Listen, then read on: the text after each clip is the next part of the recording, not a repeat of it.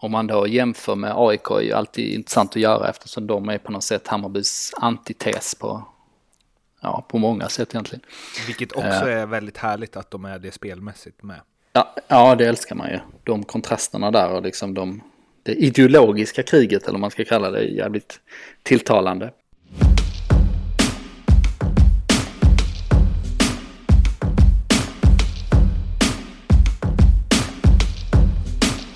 Fotboll Stockholms podcast är detta. Mårten Bergman heter jag och för er som inte lyssnat på AIK-avsnittet och undrar varför det här avsnittet eh, har en Hammarby-märkning så är det för att vi från och med nu kommer eh, ett tag framöver göra en podcast per lag per vecka. Lite kortare än vad de har varit eh, tidigare när vi tryckte in alla tre lag i samma, men vi har någon idé om att eh, man kanske vill eh, lyssna som allra mest på det laget, om det laget man håller på. Eller hur Oskar? Det ligger i farans riktning som Leif GW Persson brukar säga. Mm. Um, ja men det känns som, uh, vi testar där och ser hur det funkar helt enkelt. Uh, och det är en kul period på säsongen också nu när det är så jäkla hett liksom alla lagen i toppen. Och Hammarby hade man ju kunnat spela in en poddserie om just nu. Och exklusivt för den här Hammarby-podden då, då, har vi med en sponsor som heter eh, Sefina Pantbank. Och de har sponsrat Bayern i eh, sju år. Så de hoppade på när det var superettan och kämp mot Varberg och diverse lag där. Som ju känns som en helt annan tid idag. Ja, verkligen. Ja, de, eh, jag tror de är en av de, det är nog få sponsorer som varit med så länge. Så de har varit. Eh, så de har ju varit trygga med Bayern länge. Eh, mm. Och de sponsrar både herr och dam. Vilket är självklart för dem. Ehm, och sen har de ju det här VIB-kortet som de vill att vi pushar lite extra. Mm. Och det gör vi så gärna för att Eh, det verkar vara bra grejer om man håller på Bayern. Det är alltså inget VIP-kort utan ett VIB-kort, Very Important Bajare.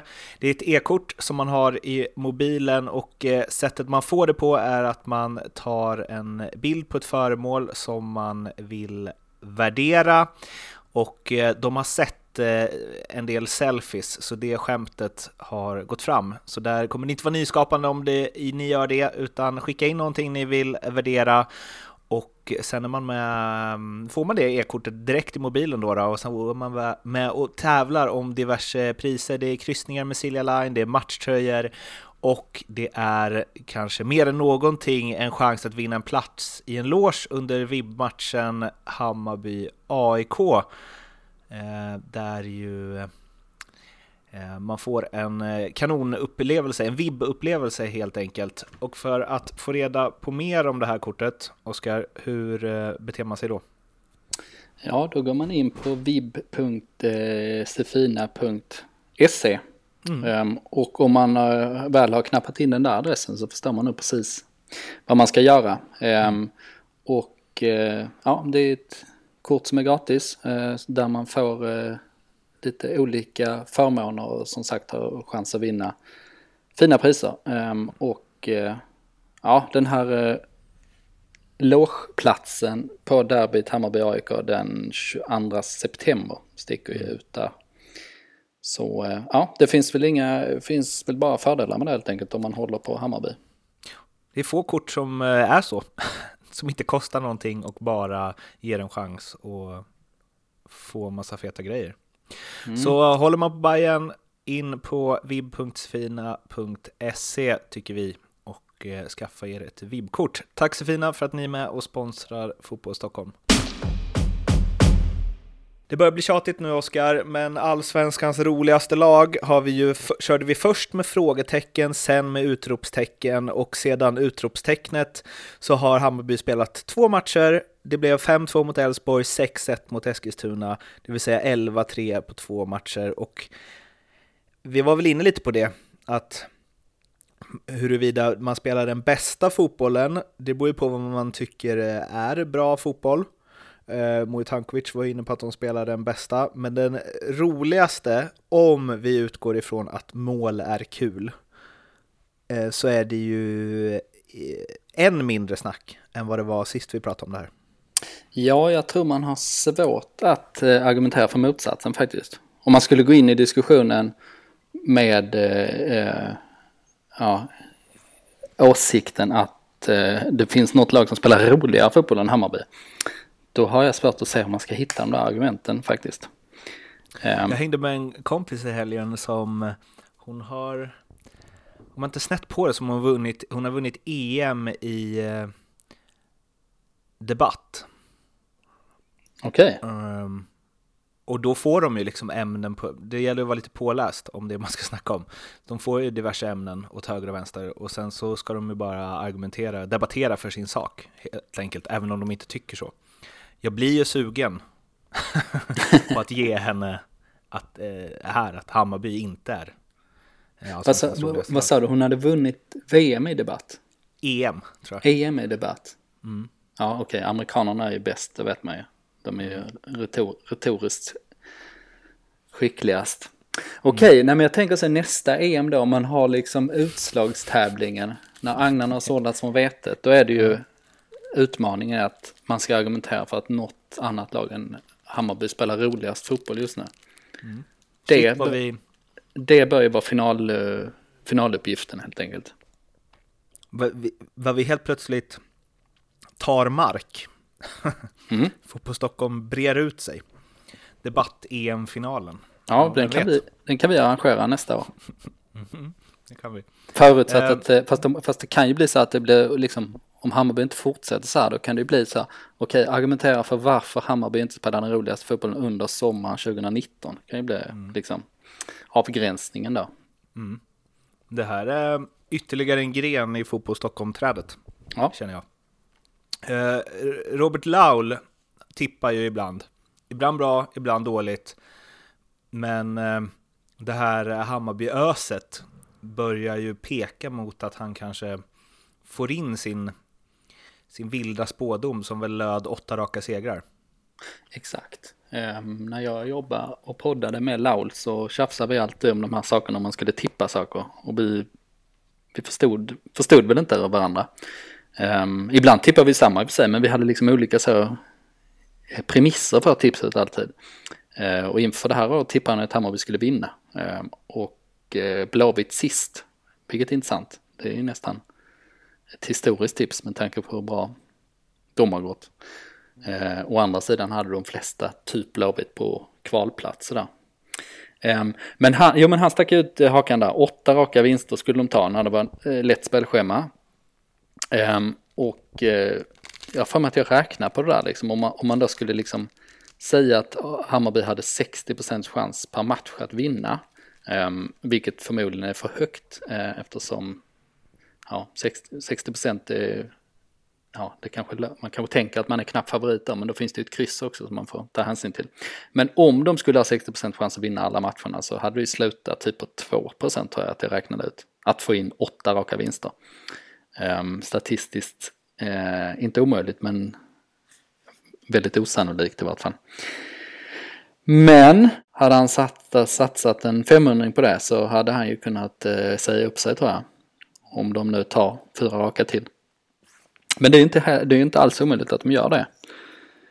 Um, mitt tips där, 6-1-1, 19 poäng på de här åtta matcherna. Det var ju också jävligt offensivt, även alltså, inför den, uh, inför den räckan när matcher började. Um, trots allt, även om det var ett överkomligt spelschema. Men nu är det ju Kalmar borta i nästa omgång. Den är ju smålurig som den alltid är, även om Kalmar eh, går svagt under Magnus Persson och förlorar nu igen senast. Eh, men sen är det Helsingborg hemma, Sundsvall hemma, Falkenberg borta.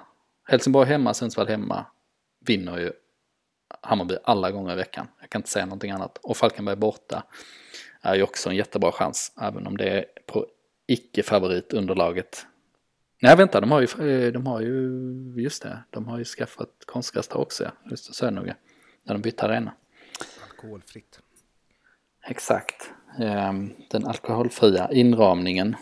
då, eh, då, till, då tillåts inget vilt naturgräs inte.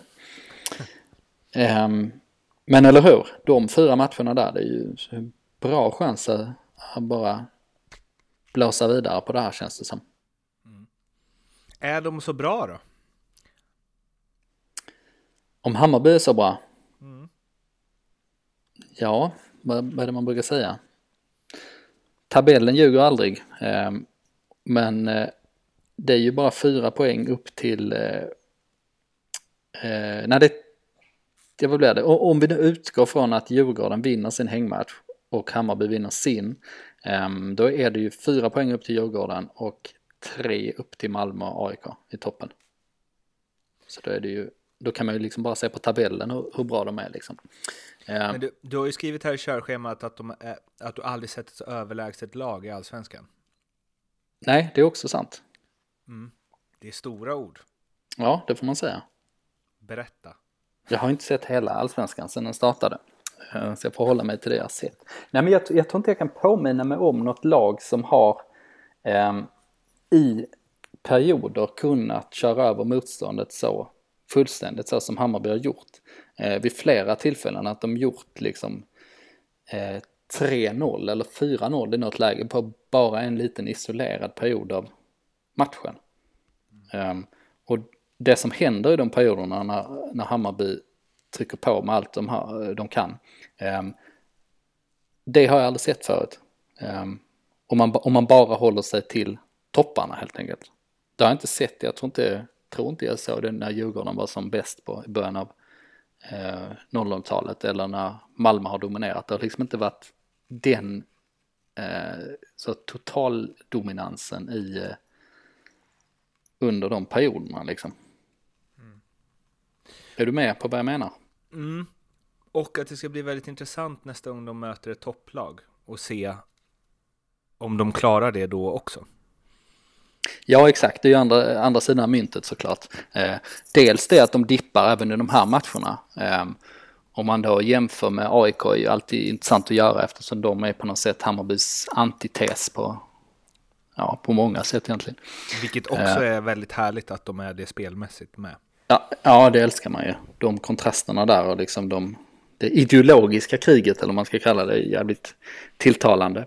Ehm, men dipparna i matcherna kommer ju även mot de eh, enklare motstånden. Ehm, och om man jämför med AIK som inte har de här topparna så tappar de ju aldrig kontrollen på det sättet som Hammarby gör. Ehm, och sen så är det ju givetvis det här med eh, hur de hanterar topplagen.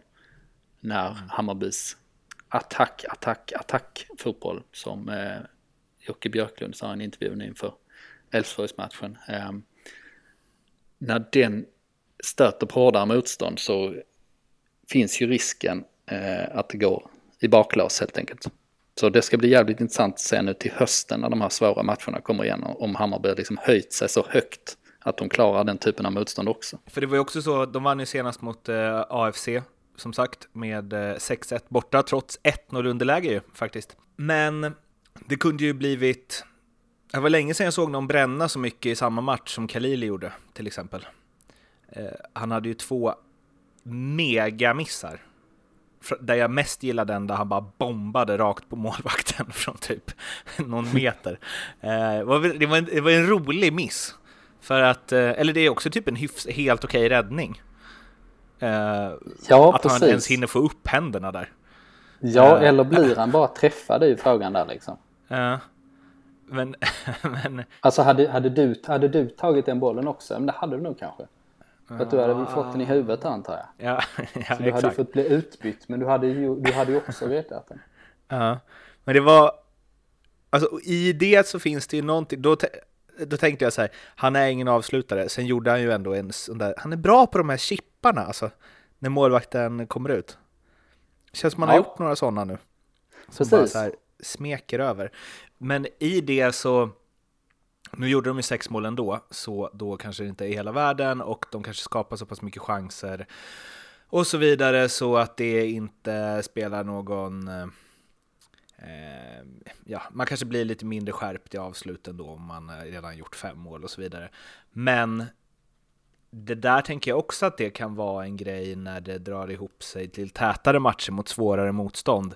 Att det blir lite över, vilket är lätt när det flyter på och blir mycket mål återigen, men det blir lite väl mycket touch ibland och lite väl snyggt och det ska dit någon klack och så vidare. Det ska bli intressant att se om någon kan stänga av det när det är så här, ni kommer inte få 12 bra målchanser. Ni kommer bara få tre. Om ens det. Ja. Typ AIK, Malmö. Precis, och så var och det har ju varit lite akilleshälen. Men det där är ju, ja, det är en vända och vrida diskussion. För det är också så att när, när Kalili chippar in den där bollen. Mm. då ger det ju också ett jävla självförtroende. Mm. Att man kan göra på det sättet och att det funkar. Att du måste inte bara liksom gå fram och drämma till allt vad du kan, liksom att det är enda chansen att göra mål. Utan man kan få in den här liksom lekfullheten och kreativiteten. Man säger det på Tankovic till exempel att ja, när han, när han spelar som bäst och är som mest effektiv så är han ju också lekfull på planen. Mm. Det hänger ihop men, på något sätt. Och jag, men, jag, jag vänder mig lite där, många säger så här, men det kunde bli tio och sånt där. Um, jag vänder mig alltid mot de beskrivningarna för att, för jag menar om man gör så mycket mål, eh, då är det ju självklart att man bränner en del chanser också. Jag skulle snarare säga att sex mål är exceptionellt i sig. Jag skulle snarare säga att det kanske var någon slags eh, normal utdelning när man hade så mycket chanser. Eller fem kanske var det. Eller någonting. Mm. Jag, jag, känner att det är lite så här slapp eh, klyscha som många, som många säger. Mm. Det, och det håller jag med om, men här, Kalili borde gjort tre mål. Ja, det borde han ju. Definitivt det... borde han gjort två, på de han inte gjorde mål på. Ja, den första chansen där kan man ju bara säga, okej, okay, den ska du göra mål på. Det, är inget, alltså, ja. det var ju bara när han hade öppet mål och lyckades snubbla på sig själv eller någonting. Den andra ska han också göra mål på. eller? Den där lilla klacken, ja.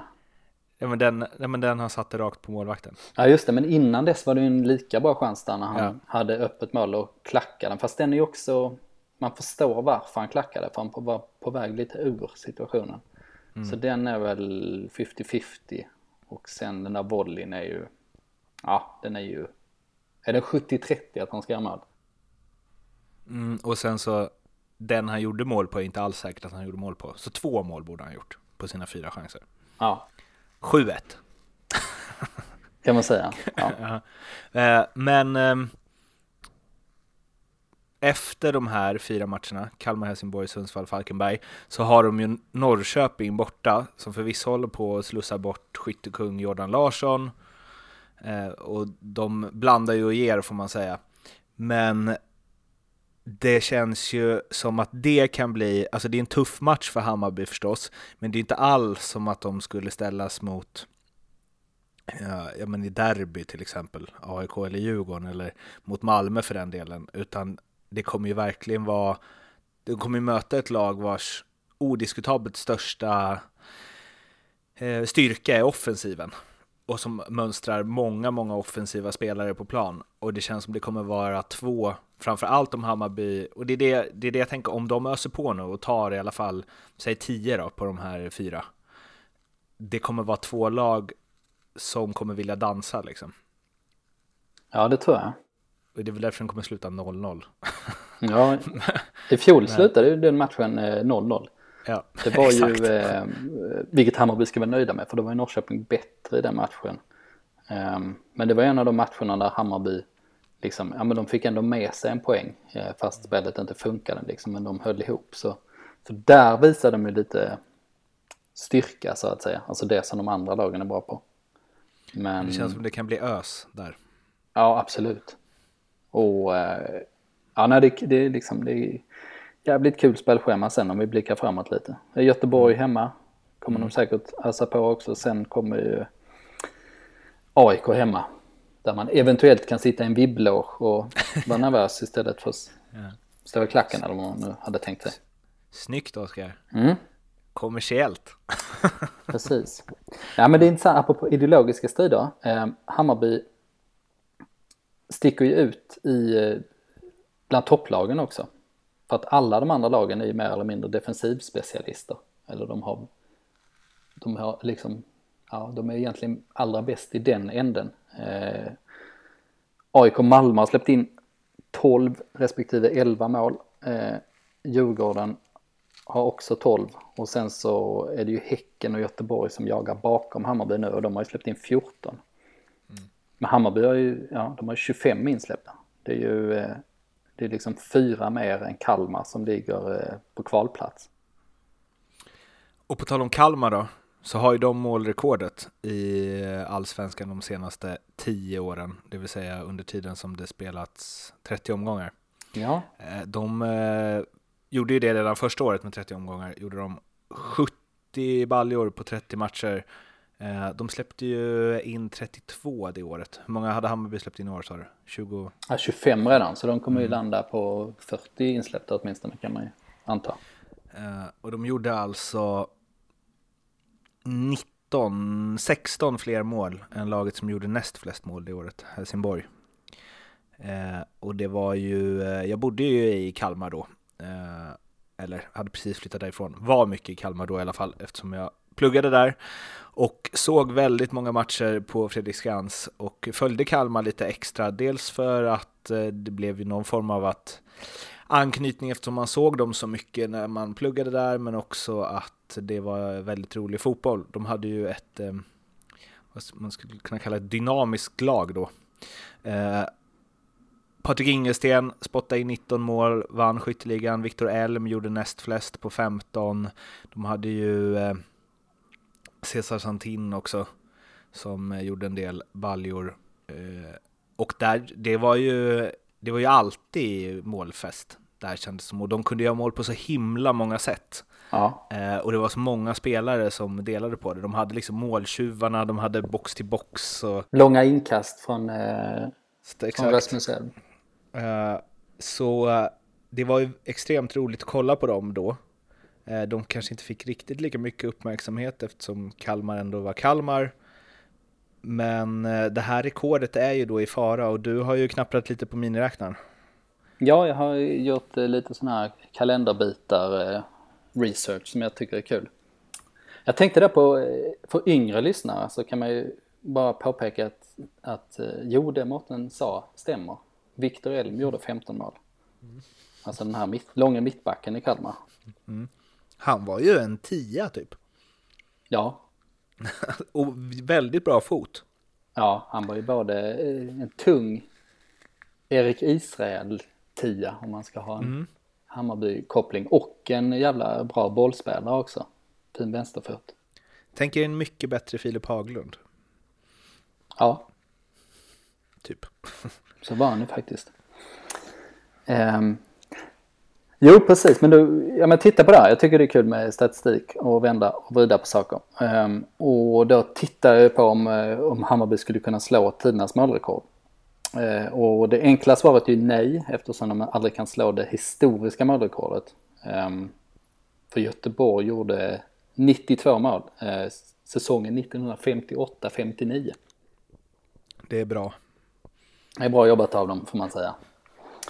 Um, och, och det går ju såklart inte, för det var lite, lite annan typ av fotboll på den tiden. 2-3-5 var ju en populär uppställning på 50-talet till exempel.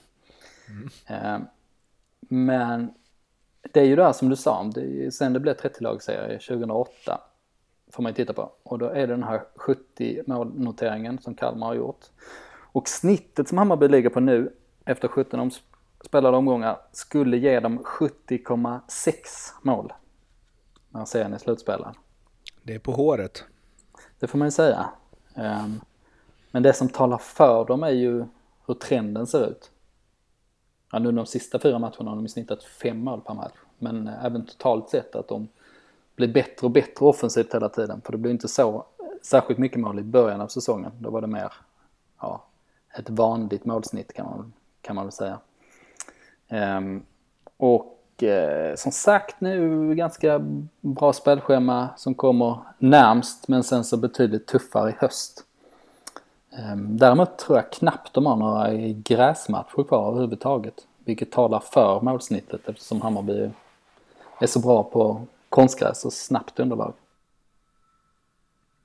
Mm. Så tipset är de tar det. Ja, jag tror det det vet du, en rolig grej med det här är ju att Jesper Jansson tjatat så mycket om att vi måste få bort det här klacksparkarna och roliga bajen och bla bla bla. Vi måste bli mer, det ska vara fokus på att vinna, det ska vara mer Juventus och så vidare. Vilket de på ett sätt har gjort, men, eh, och, det, och då resulterar det i att det blir roligare än någonsin. Ja.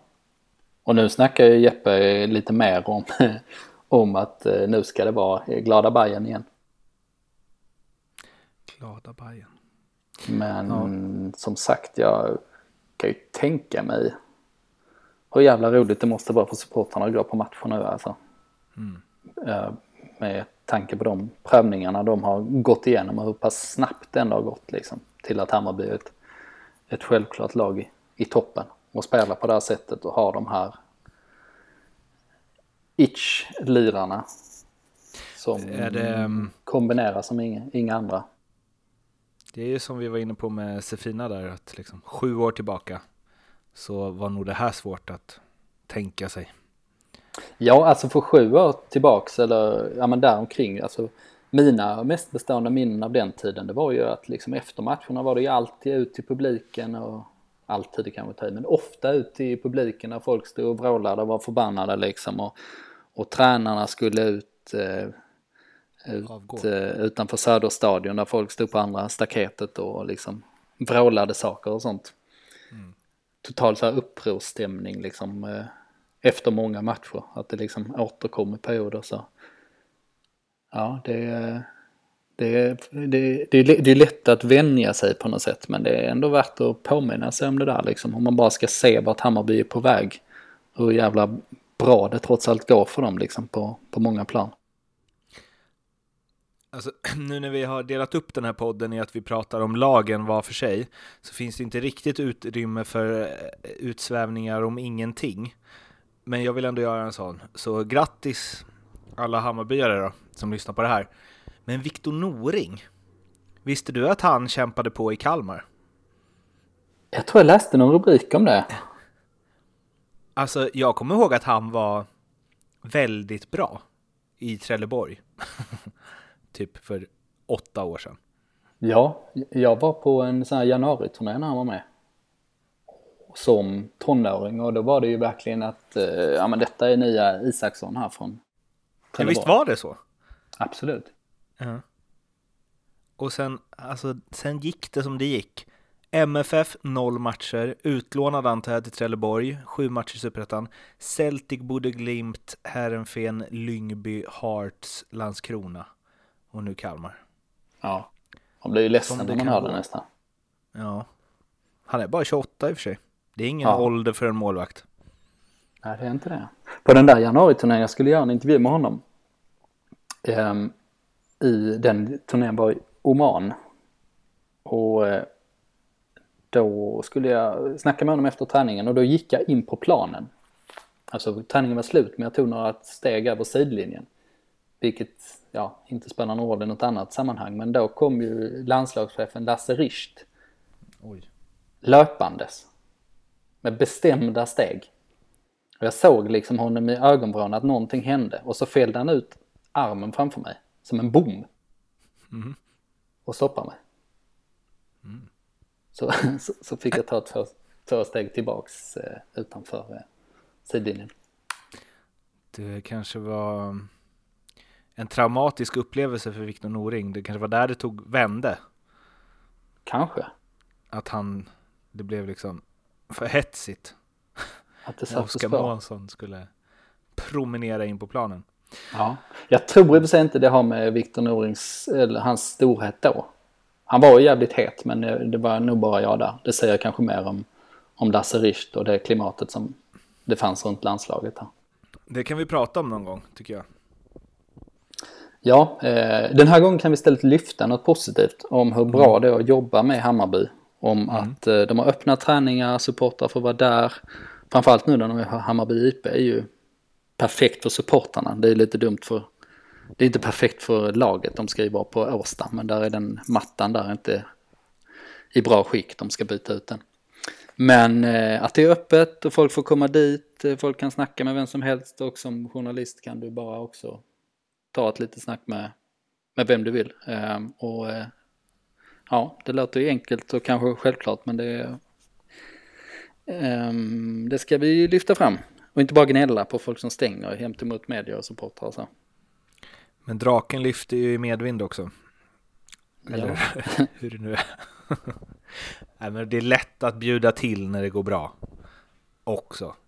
Ja, fast jag Nej, tror... nu ska jag inte vara sån. Det är kul att de bjuder till. Härligt. Gör Ja. det alla ni. Ja, och de, eh, nej men jag tycker de gör det i stort sett eh, alltid nu för tiden. Um, Och jag, jag tror man ska dra det lite längre, alltså jag tror det hänger ihop med det här med eh, publikutvecklingen och sånt också, att det får jävligt mycket positiva effekter. Rent medialt får det också effekter för då skriver man mycket mer. Då tar man lite mer snack eh, under avslappnade former än om man eh, hänvisar till någon pressträff där man ska stå i kö för att ställa samma frågor som de andra har gjort till Sebastian Larsson till exempel. Om vi ska ta ett annat Stockholmsexempel som inte är, inte är så öppet nu för tiden. Man, eh, som supporter så vill man ju också att sitt lag ska vara öppna. Tänker jag. Att man ska kunna gå ner och titta på träningen. Man ska kunna säga något till någon spelare och så. Ja, jag håller med. Däremot får klubbarna göra som de vill. Alltså de ska göra på det de tror på rent sportsligt. Ehm, Jag, jag tror varken det är från eller till det där. eh, ehm, Hur, hur man gör med öppna och stängda träningar till exempel. Men eh, så, så jag tror på den modellen. Så jag, kan, jag, jag respekterar hur folk gör men jag tycker det är jävligt eh, eh, oavsett vad man väljer men jag tycker det är jävligt kul när man gör som Hammarby. Och jag tror genuint att de har stor nytta av det i längden. Vi ska runda av det här bayern avsnittet med ett eh, inspel från Dr. Månsson. Johan Wieland ska snart vara i spel igen, sägs det. Men eftersom vi sitter på idrottsskadeexpertis här i form av dig så lämnar jag över ordet bara. Mm. Jag ska göra en lika vag, eh, vag spaning som alltid. När man eh, kan hänvisa till en känsla. Ehm, ja men det som är intressant nu i sommar, liksom ur ett silly-perspektiv, det är Tankovic framförallt. Verkar ju som han stannar.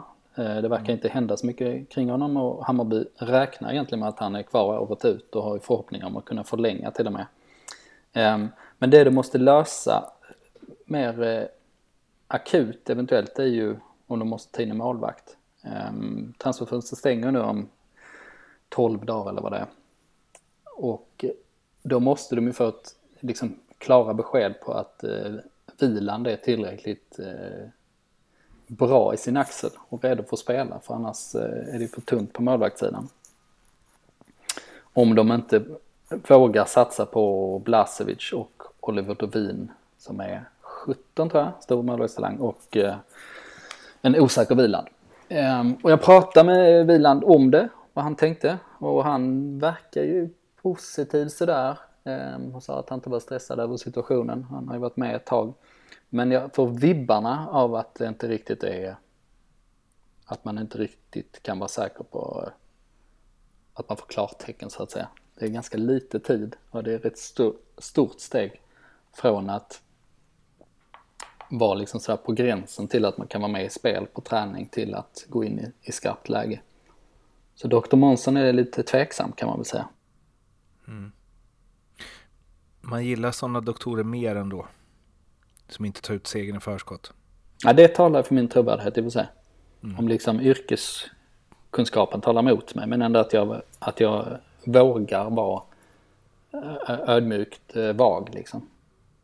Jag hoppas aldrig att spelare blir skadade. Men sen vi har börjat införa den här Dr. Månsson-analyserna så eh, finns det i alla fall någonting positivt med det. Ja, det är sant. Lite skador här då och då kan vi tänka oss. Eh, nej, det kan vi inte. Hoppas alla håller sig friska och krya. Men om de inte gör det så finns Dr. Månsson redo att analysera på avstånd med eh, gissningar från, baserade på känsla. Ja. Det var det för det här eh, veckans Hammarby-avsnitt. Hoppas ni gillar det. Ni får jättegärna kommentera och så låta oss veta om det är bra det här att vi delar upp avsnitten per eh, lag så vi vet hur vi ska fortsätta. Eller om ni föredrar när vi klumpar ihop allt i samma istället.